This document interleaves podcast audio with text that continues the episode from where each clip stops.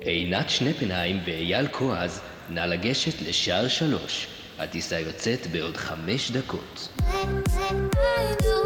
עוברים את הגבול. החיים בחו"ל זה לא דיוטי פרי. שלום וברוכים השבים לעוברים את הגבול, החיים בחו"ל זה לא דיוטי פרי. נמצאת איתי אה, אחת מהנשים היפות בתבל, שלום עינת. שלום, שלום, אייל. הפתעתי אותך? אה, כן, תשמע, פרגונים כאלה על תחילת היום. לא, תקשיבו, היא לובשת. סוודר כחול, שהופך אותה ל... באווירה- וואו! אווירה חורפית. באווירה חורפית, כי... וקר לנו, קר, קר, קר, אבל זה לא נושא היום, היום זה לא נושא חורף. לא, היום יש לנו נושא חשוב מאוד, ששואלים אותנו הרבה את השאלה הזאת. אני אוהב שאת ככה גם מותחת, שאת את נכנסת כבר לאווירה. אז כן. בואי תגידי, מה השאלה שלנו כאילו בא לי להתפרץ? כבר בכל מה שיש לי להגיד. איך קצב החיים אצלכם? איך קצב החיים אצלנו? אה, כן, אם אני הייתי צריכה להגדיר את זה אה, במהירות, הייתי אומרת משהו כמו בין אה, סיני לישראל. רק שבסיני אתה מקבל את זה כי זה רוחניות, זה זולה, אתה בא לקחת את הזמן, אתה בא להירגע. את שותה מיץ מרקויה? כן? פה זה פאסיב אגרסיב. לפני שאנחנו נכנסים לנושא עצמו, אני חייב להגיד שכשאתה כשאתה חושב רילוקיישן ואתה אומר אני עובר, אנחנו בתור בני אדם מכירים את, את הסביבה שאנחנו חיים בה, ויש לחיים שלנו קצב מסוים. בישראל הקצב הוא מאוד מאוד מהיר, זאת אומרת, אנחנו מאוד חסרי סבלנות על הכביש, אנחנו חסרי סבלנות ברחוב. מה זה קצב מהיר? יש קצב מטורף. אה, הוא? קצב, הוא קצב מטורף, אבל אתה לא מרגיש שהוא מטורף, כי זה הקצב שלנו. הכל צריך להיות יאללה. אנחנו, אנחנו רגילים לזה, אבל נכון. אין זמן, לאף אחד אין זמן. אין נכון, זמן, אין הכל זמן, מהר, אין מהר, זמן. מהר, מהר, וכולם יושבים בסוף בפ... עם הפלאפון בשירותים שעות. זה פחות או יותר הסיפור, אבל, אבל הכל צריך לקרות מהר. אתה יושב במסעדה, אתה מתיישב, אתה מזמין, האוכל מגיע, צריך לוקח לה חמש דקות, כבר אין לך, אין לך סבלנות. הכל צריך לקרות מאוד מאוד מהר. וכשאתה עושה רילוקיישן, מכל הדברים, זה, זה משהו שאתה לא באמת חושב עליו, על, ה, על הקצב. אני אתחיל ממשהו שהוא, שהוא בסיסי לכאורה. שופינג, אני מלכת שופינג, אני מאוד מאוד אוהב לקנות ולרכוש. ובישראל אנחנו יודעים, חנויות פתוחות עד 10 וגם 10 וחצי, ואם אתה מגיע נגיד ב-10 וחצי ודקה, אז גם נותנים לך עוד איכשהו לקנות איזה סמרטוט. בוא לא נגזים, בוא נגיד אם אנחנו באים בחמישה לעשר, עוד נותנים לך להיכנס. נכון, בואי נדייק. בדיוק. בגרמניה לפחות, המצב הוא כזה. החנויות סוגרות כל יום בשמונה, אבל כשאנחנו אומרים שמונה, אנחנו אומרים שבע. 59 כבר היא מורידה את הרולטור למטה. לא, כבר בחמישה ל... כבר חמישה לשמונה היא מורידה את הרולטור. בעשרה לה היא כבר נעלה את הדלת. כבר סופרת, כבר סופרת הכסף בעשרה ל... אני ואתה הסתובבנו והלכנו לעשות שופינג ביחד. השעה הייתה שבע וחצי, רצינו להיכנס לחנות, והיא פשוט סגרה לנו את הדלת בפרצוף ואמרה, לא, אנחנו לא על מכניסים. האף היא סגרה לי, קיצרה לי אותו בשתי סנטים. חצי שעה לפני סגירת החנות. החנות כבר נסגרה. זהו, ואין עם מי לדבר. עכשיו, אתה עובד, בן אדם נורמלי, עובד עד סביבות השעה 6. עד שאתה יוצא מהעבודה, מגיע לחנות, אני, אני רוצה רגע לעצור אותך על הבן אדם הנורמלי עובד עד השעה 6. אתה שוכח שהבן אדם הנורמלי הזה עובד עד השעה 6 פה, נכון. לא בישראל. נכון, אבל גם פה, לפעמים אתה לא יוצא מהמשרד ב-6. זאת אומרת, אני בדרך כלל מגיע, יוצא ב-6 וחצי, 6.40, ועד שאני מגיע לחנות, היא כבר סוגרת לי על, ה- על האף את, ה- את הדלת. וזה נשמע כאילו אוי אוי אוי, אבל כשאתה מגיע ממדינה שאתה רגיל בה, שאתה יכול לעשות קניות עד שעה מאוחרת, אחי הקטן היה עכשיו בברלין, הוא היה בהלם. הוא כותב לי, אולי נלך אחרי זה לעשות שופינג, אני מסתכל על, על השעון, אני אומר לו, זיו, יש לך עשר דקות. בשמונה סוגרים הכל. הוא אמר לי, מה? בשמונה סוגרים הכל. עכשיו, זה לא רק, זה לא רק החנויות, זה גם מסעדות. בוא נתחיל מזה שיש, בוא נתחיל מזה שגם יש חנויות. הרוב פותחים בשעה 10, אבל יש אצלנו פה חנויות שפותחות גם ב-11. נכון? רחובות שלמים שפותחים בשעה 11. שמצד אחד אני חייב להודות שלעובדים זה מאוד הומני, לעובדים, אבל לעובדים ולאנשים שרוצים ללכת ולקנות ולרכוש, זה באמת בעייתי. עכשיו, זה לא רק בחנויות, זה גם במסעדות. מסעדות אבל זה כבר נושא מאוד מאוד רחב, כי במסעדות אפשר לתקוף את, ה, את קצב החיים שם מכל מיני כיוונים. במסעדות. מאזינים חייבים לדעת איך את, איך את מחייכת. לעינת, לעינת יש חיוך, חיוך זדוני, מחייכת מאוזן לאוזן. אני חושבת שכל פעם שאני יושבת במסעדה, אני נזכרת בזה שפעם אה, היינו בסיני, אה, ובסיני זה כאילו נהוג לחכות שעתיים עד שמלצר מגיע אליך. עד שהדג מגיע. עד שלוש שעות עד שהאוכל מגיע אליך. הם הולכים לדוג חלק, אותו. עד שהדג, הם הולכים לדוג אותו, אבל זה חלק מהאווירה, זה חלק מה, מההוואי. ואני חושבת שאחד הדברים שאנחנו הכי צחקנו, וזה היה כשאני הייתי עם ארנו בסיני, זה שכשסיימנו לאכול, אז פתאום שני מלצרים מגיעים, מרימים את השולחן והולכים למטבח עם השולחן. הם לא, הם לא ניקו את השולחן, הם פשוט הרימו אותו ולקחו אותו למטבח. וכל פעם אני נזכרת בסצנה הזאת כשאני יושבת במסעדות בגרמניה, כי אין את ה...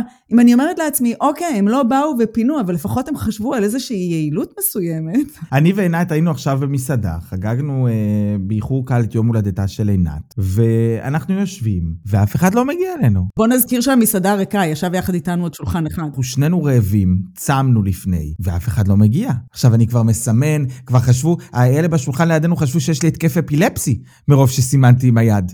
ואף אחד לא מגיע. ואז מגיע המלצר ואומר, שלום, מה תרצו להזמין? עכשיו, כאילו, אני חושב שבתור ישראלים, כשאנחנו בנופש, אתה יכול להכיל את זה, כי אתה בחופשה. בחופשה יש לך זמן, אתה הולך, אתה מסתובב, אבל כשזה החיים שלך, ואתה רוצה לעשות את הדברים בצורה מהירה ו- ולתקתק אותה, זה מאוד מאוד קשה. אבל אני חושבת שזה משהו שבא מתוך הישראליות שלנו, שאנחנו רגילים לקצב הזה, אנחנו רגילים להכל מהר, מהר, מהר, וזה משהו שמאוד קשה לנו להתנתק ממנו, גם אחרי המון שנים שאנחנו חיים פה. מאוד קשה לנו להתנתק מזה. אני חושבת שאנשים שהם גדלים פה וחיים פה וגדלים בתוך האווירה הזאת, להם זה נראה נורמלי, כי אתה לא תשמע גרמנים מתלוננים על זה. נכון, גם רובן כל הזמן אומר לי, תירגע, תירגע, היא באה. מה היא באה? אנחנו יושבים פה כבר 20 דקות, לאן היא תבוא? לאן היא באה? היא לא באה. אני יושב פה, מחכה, אני רעב כבר, יוצא לי כבר עשן מהעיניים, והיא לא באה. עינת רצתה ג'ינג'ר. ואז סימנו לה מלצר, וסימנו, היא כבר כמעט סיימה את הסושי שלה. אתה אמרתי לה, עינת, אני הולך להביא, היא אומרת, לאן אתה הולך? הלכת למטבח, להביא לי ג'ינג'ר. כי אם היינו מחכים שיגיע הג'ינג'ר... אבל אתה יודע, אפשר להפוך את זה ולהסתכל על זה עלינו, שאולי אנחנו חסרי סבלנות, למדנו, בעצם לא למדנו להיות סבלנים, ולא למדנו אה, לחכות לדברים, כי בישראל לא מחכים. זה כמו שאנשים בישראל לא עומדים בתור, כי כולם רוצים להגיע כמה שיותר מהר לקופה, וכמה שיותר מהר לסיים. פה אין דבר כזה, פה אנשים עומדים בתור שעות, זה מין סוג של תרבות כזאת. אם, אם יצאתי ל shopping mall ולא נעמדתי בתור, כנראה משהו לא היה בסדר. כנראה לא הייתי ב shopping mall. בדיוק, לא היית כנראה ב shopping mall. העמידה בתור והלחכות היא כל כך מובנית, שלפעמים יש בזה אבסורד נורא נורא גדול. כי אם נגיד אני נכנסת לשופינג מול ויש שלושה מחסומים להיכנס עם הרכב, ושניים מהם מלאים בתור ארוך של מכוניות, והשלישי ריק, לפעמים אני אומרת לעצמי, כאילו, מה, מה עובר עליהם בראש? יש לכם מחסום אחד ריק, למה אף אחד לא נוסע למחסום הריק? ואני נוסעת למחסום הריק, וכאילו הראש צריך להגיד, אוקיי, אולי הוא לא עובד. נכון. אבל הוא עובד, ואתה נכנס, ואתה מוציא כרטיס, ואתה אומר, מה זה התור הזה של השלושים מכוניות שעומדים כאילו... לי... אבל זה החיים שלהם פה, ככה הם גדלו, הם גדלו ב... יש בזה משהו מצד אחד מאוד מאוד יפה, הסבלנות הזאת, של אנחנו לא ממהרים ואנחנו מקבלים את החיים ככה כמו שהם, יש בזה משהו יותר רגוע מאיך שאנחנו נכון. אה, מצפים מהחיים שלנו. עולה לי סיפור של, של משהו שאת סיפרת כבר פה בפודקאסט, על רומי, שהייתה עם אה, בדודה שלה בתור בבאולינג. בתור בישראל. בתור בישראל. והיא לא הבינה איך התורים אצלנו עובדים. שאין, אין תורים. יש ערימה של אנשים שמצד אחד יש, יש בעיה בחוסר סדר הזה. מצד שני, אני לפעמים אומר, כאילו, גם בסופר יכולים להיות ארבע קופות ושתיים סגורות, והם יעמדו, התור כבר מגיע עד למקרר של הנקניקים, ואף אחד לא יגיד כלום. אף אחד לא יגיד כלום, הם יעמדו ויחכו, גם אם הם, גם אם הם מערים וגם... עכשיו מצד אחד אני מאוד מעריך את זה, כמו שאת אומרת, זה סבלנות. ואיך אומר, סבלנות סבלנות לא קונים בשום חנות? האמרה הידועה? נכון. אני לא יודע, בשבילי זה... אני לא, אני לא יכול עם זה. יש משהו, אם כבר הזכרת סופרים, יש משהו שקרה בשנים האחרונות, הרי כשאתה משלם, אז יש לך תמיד את החלק הזה שאתה יכול לשים את המצרכים שלך ולארוז אותם לתוך השקיות. בשנים האחרונות קיצרו את החלק הזה בגרמניה. נכון. וכמעט ואין לך, לך איפה להניח כאילו את השקית שלך או את התיק כדי לארוז את, המז... את המצרכים, זה צריך להיות, השקית צריכה להיות על הרצפה, ואתה כל פעם מתרומם למעלה לפס להוריד את הדברים לתוך השקית שלך. נכון. עכשיו, מאז הקורונה גם בנו את המגני הפלסטיק האלה. כן, כולם עומדות כאילו הם שכ, שכפ"ץ. מה, כאילו מישהו, כאילו היא ג'ון קנדי ומישהו מנסה להתנקש בה, אה? כל, כל קופאית עומדת מאחורי שכפ"ץ. אתה נעמד בעצם ליד הקופאית, והיא מתקתקת את הדברים, ואתה בשיא הסטרס מתחיל להכניס אותם לשקית, וכל פעם מתנגש בפלסטיק הזה עם היד. נכון. וכל פעם כל הפלסטיק הזה רועד בתוך הסופר, ואתה בלחץ של לפנות את הפס, כי בשנייה שהיא תגיד לך את המחיר, אתה צריך כבר לשלם. עכשיו, אם לא סיימת לפנות את הדברים לשקית, היא לא תמשיך ללקוח הבא עד שאתה לא תסיים לארוז את הדברים ואז כולם עומדים, כל התור עומד ומסתכל עלייך במבט שיפוטי. אבל את יודעת מה? מה שאת אומרת עכשיו, זה משהו גם מאוד מעניין. כאילו שבגרמניה הכל הולך מאוד מאוד מאוד לאט, קצב החיים הוא מאוד איטי, עד שאתה מגיע באמת לסופר. כאילו, את יכולה לעמוד שעה בתור, ופתאום יש לך את השלוש דקות שלך, ושם את צריכה להופיע, זה, זה מאני טיים. אני שמתי לב שהיחידים שנמצאים בפאניקה זה אנחנו. נכון. זה אנחנו שאורזים את השקיות במהירות, זה אנחנו שעומדים בזמן, זה אנחנו שמספיקים עד השנייה שהיא אומרת את המחיר, הפס ריק. אבל אם אני מסתכלת... עומד כבר עם הכרטיס, מחכה, מתקתק, אני מרגיש לא נעים, שאנשים מאחוריי, אני מתנצל, נכון. אני נכנס... אבל אם אתה מסתכל על הגרמנים... לחץ! הם לא. לא, יורזת, כל עגבנייה במקום, כל מאמי. כל פריט ופריט נכנס לאט לתוך התיק, והכל בשאננות ובאדישות ובאיטיות, ויש להם זמן. וזה לא משנה שהתור הוא 20, 30 איש יש בתור, הכל באיזי. אז אני שואלת את עצמי, מה יותר טוב, להיות באיזי שלהם, ושהתור יקפוץ לנו, או להיות בפאניקה וב... בטירוף שלנו.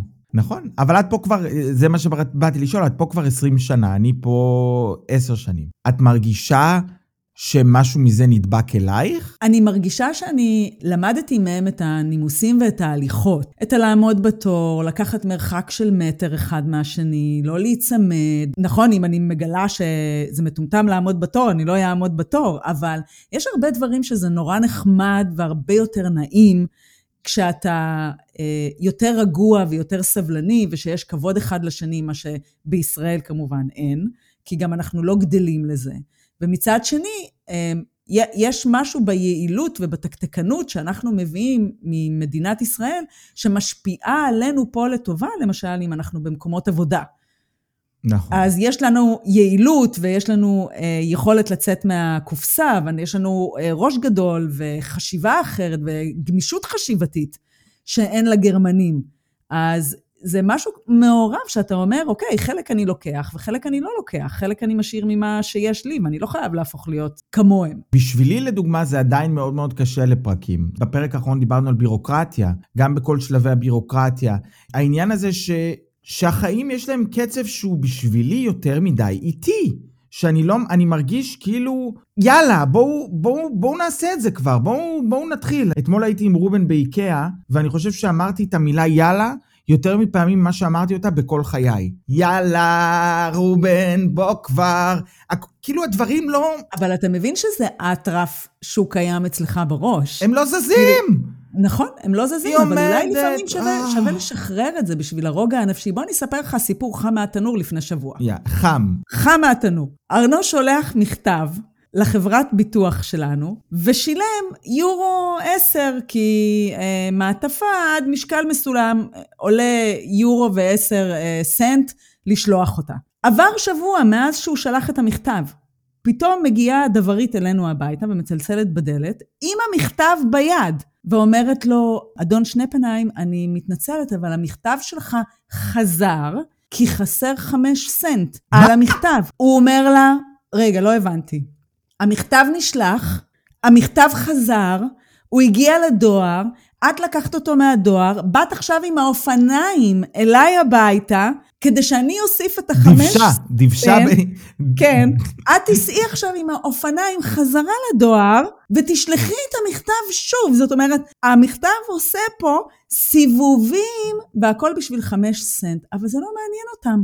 אז חברת הביטוח תחכה, והכל בסדר, כי חסר חמש סנט. אין את היעילות של, רגע, אבל המכתב כבר הגיע, אז אולי אנחנו נעדכן אותו והוא יעביר ב PayPal, או הוא יעביר בהעברה בנקאית חמש סנט. זה חמש לא. סנט, שצריך להגיד שזה הרבה פחות מ... זה כמה זה אגורה? אתה מבין את האבסורד? זה לא, זה לא הגיוני. עכשיו אני ורומן עשינו שיפוץ בסלון, הזמנו שולחן, הזמנו ספה, ודיברתי עם אמא שלי ואמרתי לה, תראי, בישראל כולם כל הזמן מתלוננים שהשירות לא טוב, שדברים מגיעים לא בזמן, אבל פה זה לא יותר טוב. אנחנו לא. חיכינו לשולחן, אמרו שהוא הגיע אחרי שבעה ימים, הוא הגיע אחרי חודש וחצי. ובלי ברגים. הוא הגיע בלי ברגים. ועכשיו אם אני אכתוב להם שאני צריך את הברגים, ייקח לי עוד חודש וחצי עד שאני אקבל את לא, הברגים. הם יגידו לך, תשלח לנו את השולחן חזרה. ואנחנו נשלח לך שולחן חדש עם ברגים. וזה בדיוק העניין, שהם עובדים פה בצורה כזאת, ואני חושב שהרבה פעמים בארץ אנחנו אומרים, באירופה זה לא היה קורה. וזה לא נכון. אני חושבת שבישראל השירות הוא הרבה יותר טוב. אה, לא משנה אם אתה יושב במסעדות, לא משנה אם זה מבעלי מקצוע. עכשיו, אני לא מדברת על זה אם עובדים עליי או לא עובדים עליי. אני מדברת על, על זה ש, שכשאתה מבקש משהו, אז באמת אתה מקבל, ובאמת יש יותר תשומת לב לדברים. אם לי פה הלך החימום, והוא מגיע אליי הביתה, ומנסה לתקן את המערכת, וכשאני אומרת הלך לי החימום, זה לא רק שקר בבית, זה אומר שגם אין מים חמים להתקלח, כי החימום הרי מחובר גם למים החמים. ממד מעלות בחוץ, מינוס. כן. ואז הוא אומר לי, שזה משהו שקרה לפני חודש, כן? ואז הוא אומר לי, אה, תקשיבי, חסר חלק, אני לא יכול לתקן את המכשיר, חסר חלק, אני צריך להזמין אותו. אני אומרת לו, אוקיי, כמה זמן לוקח לחלק להגיע? הוא אמר, אה, זה יכול לקחת בין שבוע לשבועיים. אני מסתכלת עליו ואני אומרת לו, מה שבוע, שבועיים? יש לי טלטלים שצריכים להיחפף פה. זה, זה לוקח הרבה זמן, אני אומרת לו, אבל אני עם שני ילדים פה. אתה כאילו, אתה אומר לי שאני עכשיו שבועיים אהיה בלי מים חמים להתקלח, ובלי חימום בבית, ואז אני חושבת לעצמי, בישראל זה בחיים לא היה קורה. לא היו משאירים, איזה בעל מקצוע מגיע ורואה אימא עם ילדים ואומר לה, כפרה עלייך, אני משאיר אותך בלי מים חמים להתקלח? עכשיו שבועיים? זה, זה הרי לא... זה לא היה קורה. הגרמנים היו אומרים כן בסדר. הוא הלך, השעה הייתה חמש אחרי צהריים, חיכיתי שארנו יגיע, בשעה שבע בבוקר יום למחרת, כמובן שאני יושבת על ארנו על הראש, הוא מתקשר אליהם בבוקר, בשיא העצבים, ואומר להם, באיזה חוצפה אתם אומרים לנו שלוקח לכם בין שבוע לשבועיים להזמין את החלק? אתם, אם, אם אתם לא באים להחליף לנו את זה היום, אני מבקש מכם להגיע, לפרק את המכשיר, ואני הולך להזמין חברה אחרת. מה הוא עונה לו בטלפון? מה הוא אומר? אוי, בדיוק ראיתי שהגיעה חבילה היום בשבע בבוקר, יש מצב, זה החלק שאנחנו הזמנו. ואז ארנו אומר לי, תראי, את רואה? הנה, שלא. תגידי שאין שירות טוב זריז." בגרמניה, החלק הגיע. אני אומרת לו, תגיד, באיזה עולם מזמינים בחמש אחרי צהריים חלק, והוא מגיע בשבע בבוקר? באיזה עולם, אמרתי לו. "אה, מי, מי זאת חברת השליחויות הזאת, שהביאה את החלק תוך 12 שעות? אמר, "זה- זה לא הגיוני. אמרתי לו, אתה מבין שהם לא מזמינים כלום. אתה מבין שיש להם את החלק. אתה מבין שפשוט אתה לא בסדר העדיפויות שלהם, ולא היה בא להם לבוא, הם רצו לבוא עוד שבוע או עוד שבועיים.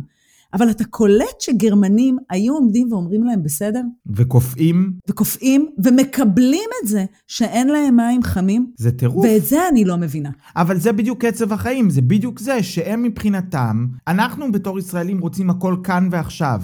אנחנו רוצים את האייפון הכי טוב, אנחנו רוצים את האוטו הכי טוב, אנחנו רוצים uh, את השירות הכי טוב, אנחנו רוצים הכל כאן ועכשיו והכל צריך לקרות באותו רגע. ופה יש איזשהו קצב שהוא אחר, שאתה אומר, אוקיי, אז מחר, אז מחרתיים, אז לא היום. כמו שפה אף אחד לא ממהר לתת אה, פלאפונים לילדים. פה מקבלים פלאפון, רוב הילדים מקבלים פה פלאפון בכיתה ה', כי כיתה ה' נחשבת לתיכון. עד כיתה ה' לילדים אין פה פלאפון. בישראל, מהגן, הילדים עם פלאפון. המהירות של ההתפתחות ושל הקצב ושל הרצון הוא הרבה יותר גדול מאשר פה. פה הרבה יותר איזי, אבל פה גם הם נשארים לפעמים לפני 30 שנה. אם אני מסתכלת על ישראל, שבישראל ללכת לטיפול או ללכת לאימון זה משהו שהוא מקובל, והוא משהו שהוא בסדר גמור, וכולם הולכים וכולם עושים, ווואלה, בישראל זה הגיע למצב שמי שלא הולך ועושה את זה, משהו לא בסדר אצלו. נכון. פה, אם אתה הולך לטיפול, או שאתה הולך לאימון, שואלים אותך אם אתה חולה. רובן הוא מורה והוא מועסק על ידי המדינה, ואם הוא הולך לפסיכולוג, הוא לא יכול להיות, אה, לקבל אה, קביעות. כי הוא נחשב לחולה. אתה מבין את קצב ההתפתחות? נכון, אני עברתי עכשיו לקופת חולים פרטית, ושאלו אותי אם הייתי אצל פסיכולוג, ולא הייתי אצל פסיכולוג, למזלי, כי אם הייתי אצל פסיכולוג, הם לא היו לוקחים אותי. הם לא היו לוקחים אותי לקופת חולים הפרטית. כי זה רשום. הקצב פה של ההתפתחות הוא קצב נורא נורא איטי, זה, זה בכל מיני דברים. אם המורה צריך פסיכולוג, והוא לא הולך לפסיכולוג, כי הוא יודע שהוא לא יקבל קביעות במקום העבודה שלו. הוא יכול, אבל לא דרך קופת החולים, הוא יכול ללכת בפרטי ולשלם פרטי, כך שזה לא הוא יכול נרשם. ללכת לפרטי שזה לא נרשם. שזה לא נרשם בשום מקום. אבל האבסורד הוא זה הקבלה של הדבר הזה.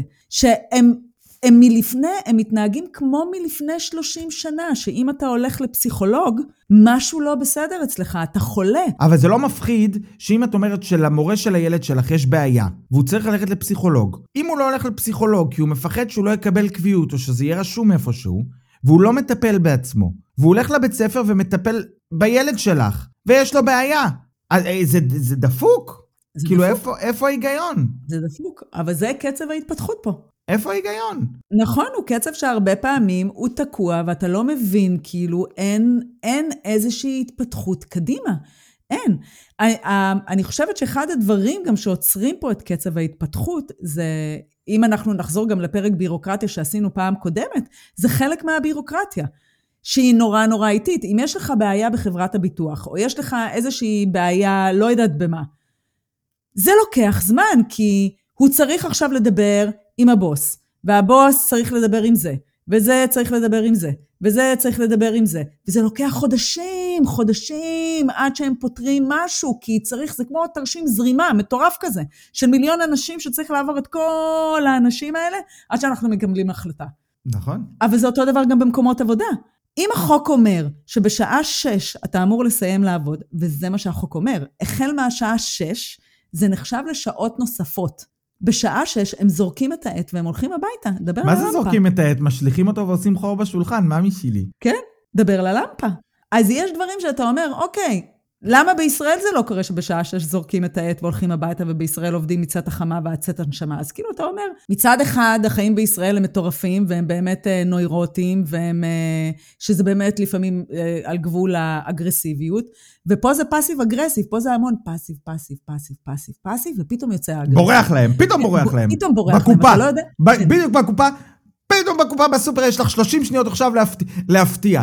צריכה, עכשיו את צריכה לארוז את כל מצרכייך. או שהם שקטים, שקטים, שקטים, שקטים, ופתאום הם, מת, הם, הם, הם מתהפכים עליך. שזה הכי מסוכן, נכון. כאילו, אתה, אתה לא מוכן לזה. נכון. כי, הם, כי, כי זה חלק מהקטע, זה להיות מנומס ולהיות רגוע ולהיות סבלני, נכון. עד שעולה להם. עד שעולה להם. וזה זה כאילו passive, passive, passive, passive, ואז יוצא ה aggressive, ואז אתה נבהל, כי נכון. אתה, כאילו, אתה, אתה קולט, נעמד מולך מטורלל, נכון. או מטורלל. אבל זאת בדיוק הסכנה, אבל, כי אני חושב שבארץ, בגלל שהכל מאוד אה, פתוח, ובגלל שהכל, מצד אחד יש אירועים מאוד מאוד מזעזעים שאני קורא עליהם כרגע בעיתון בארץ, של אה, דקירות אה, אה, על ויכוחים בכביש, ודברים נוראים שאותם אנשים איבדו את זה. אני מוציא, אה, מוציא מהכלל ומוציא מהדברים שאני אומר עכשיו, אבל... אבל זה חלק, זה חלק מהקצב המטורף, זה חלק מהחוסר נכון, סבלנות. זה- אבל אתה יודע איפה אתה עומד.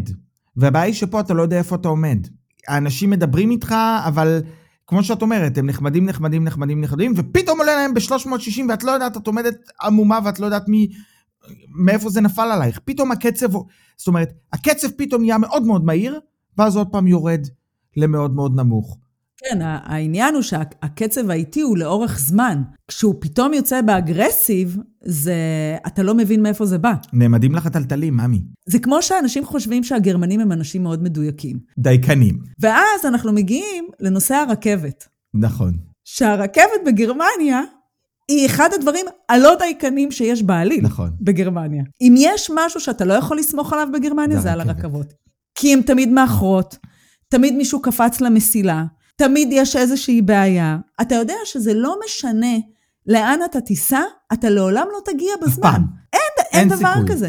והאבסורד הוא שהרכבת שלוקחת לשדה תעופה, לפרנקפורט, זאת הרכבת שהכי נתקעת, הכי לא מגיעה בזמן, הכי אה, מבוטלת. זה כאילו, כמות הפעמים שאני נסעתי ברכבת הזאת לשדה תעופה ולא הגעתי לשדה תעופה, היא כבר מעבר למספר נכון, האצבעות. וזה חוסר אונים מאוד מאוד, בידיים. זה חוסר אונים מאוד מאוד אה, גדול, כי אתה יושב שם ברכבת ואתה מחכה להגיע ליעד שלך, וזה לא קורה, ובארץ לדוגמה הרכבת מגיעה כן בדרך כלל בזמן, זאת אומרת יש משהו... בדרך כלל, אלא אם כן יש תיקונים, ואז בכלל מבטלים לך אותם, ואז בכלל... אבל גם פה. זה קורה, שפתאום הבחורה אומרת, הרכבת תתעכב ב-20 דקות, ואחרי 20 דקות עוד 20 דקות, ואז עוד 40 דקות, נכון. ואז עוד פעם שעה, ואת יושבת, וחברים, אתם לא יושבים ב-30 מעלות, שזה גם יכול להיות זוועה, אבל אתה יושב במינוס 4 מעלות בחוץ על ספסל מברזל, במקרה שיש לך, שתפסת ספסל.